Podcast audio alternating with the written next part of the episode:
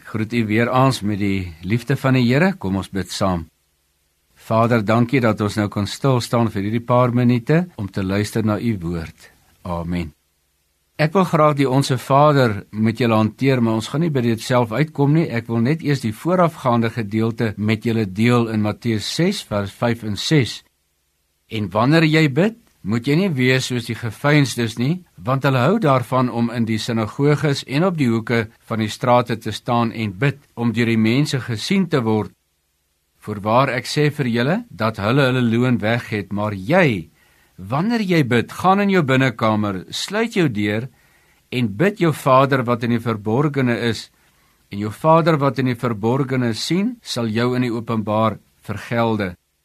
Gebed is 'n persoonlike gesprek en verhouding wat 'n gelowige met die Here beleef of in lewe. Gebed gaan oor jou hartsbegeerte wat jy met God kommunikeer. Of dit nou in die openbaar is waar jy in 'n publieke gebed hardop bid en of jy in jou privaatheid sag bid, daardie gebed word direk tot God gebid.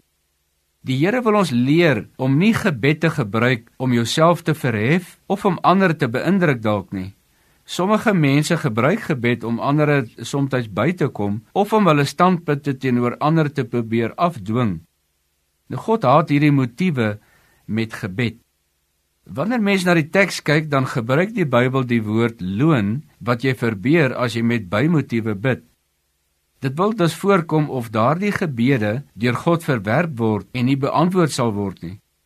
As ons egter na die tweede deel van hierdie aspek van ons teks kyk, dan wil dit nie vir ons voorskryf om net in die binnekamer te bid nie, maar eerder ons gesindheid en motief wil aanspreek van afsondering tot God met jou gebed. Met ander woorde, dis 'n geestelike afsluit van almal om jou wanneer jy bid tot God.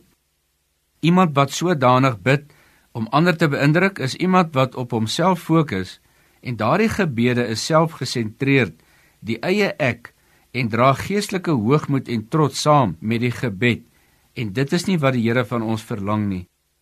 Iemand wat in sy gebed sodanig op ander fokus of hulle probeer beïndruk, is baie meer gesteld op vorm of akkuraatheid van hulle gebede.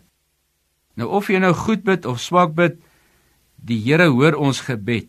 Romeine leer vir ons dat die Gees self tree vir ons met onuitspreeklike versigtings in wat om te bid en mag die Here ons help om gebed te bid tot eer van sy naam.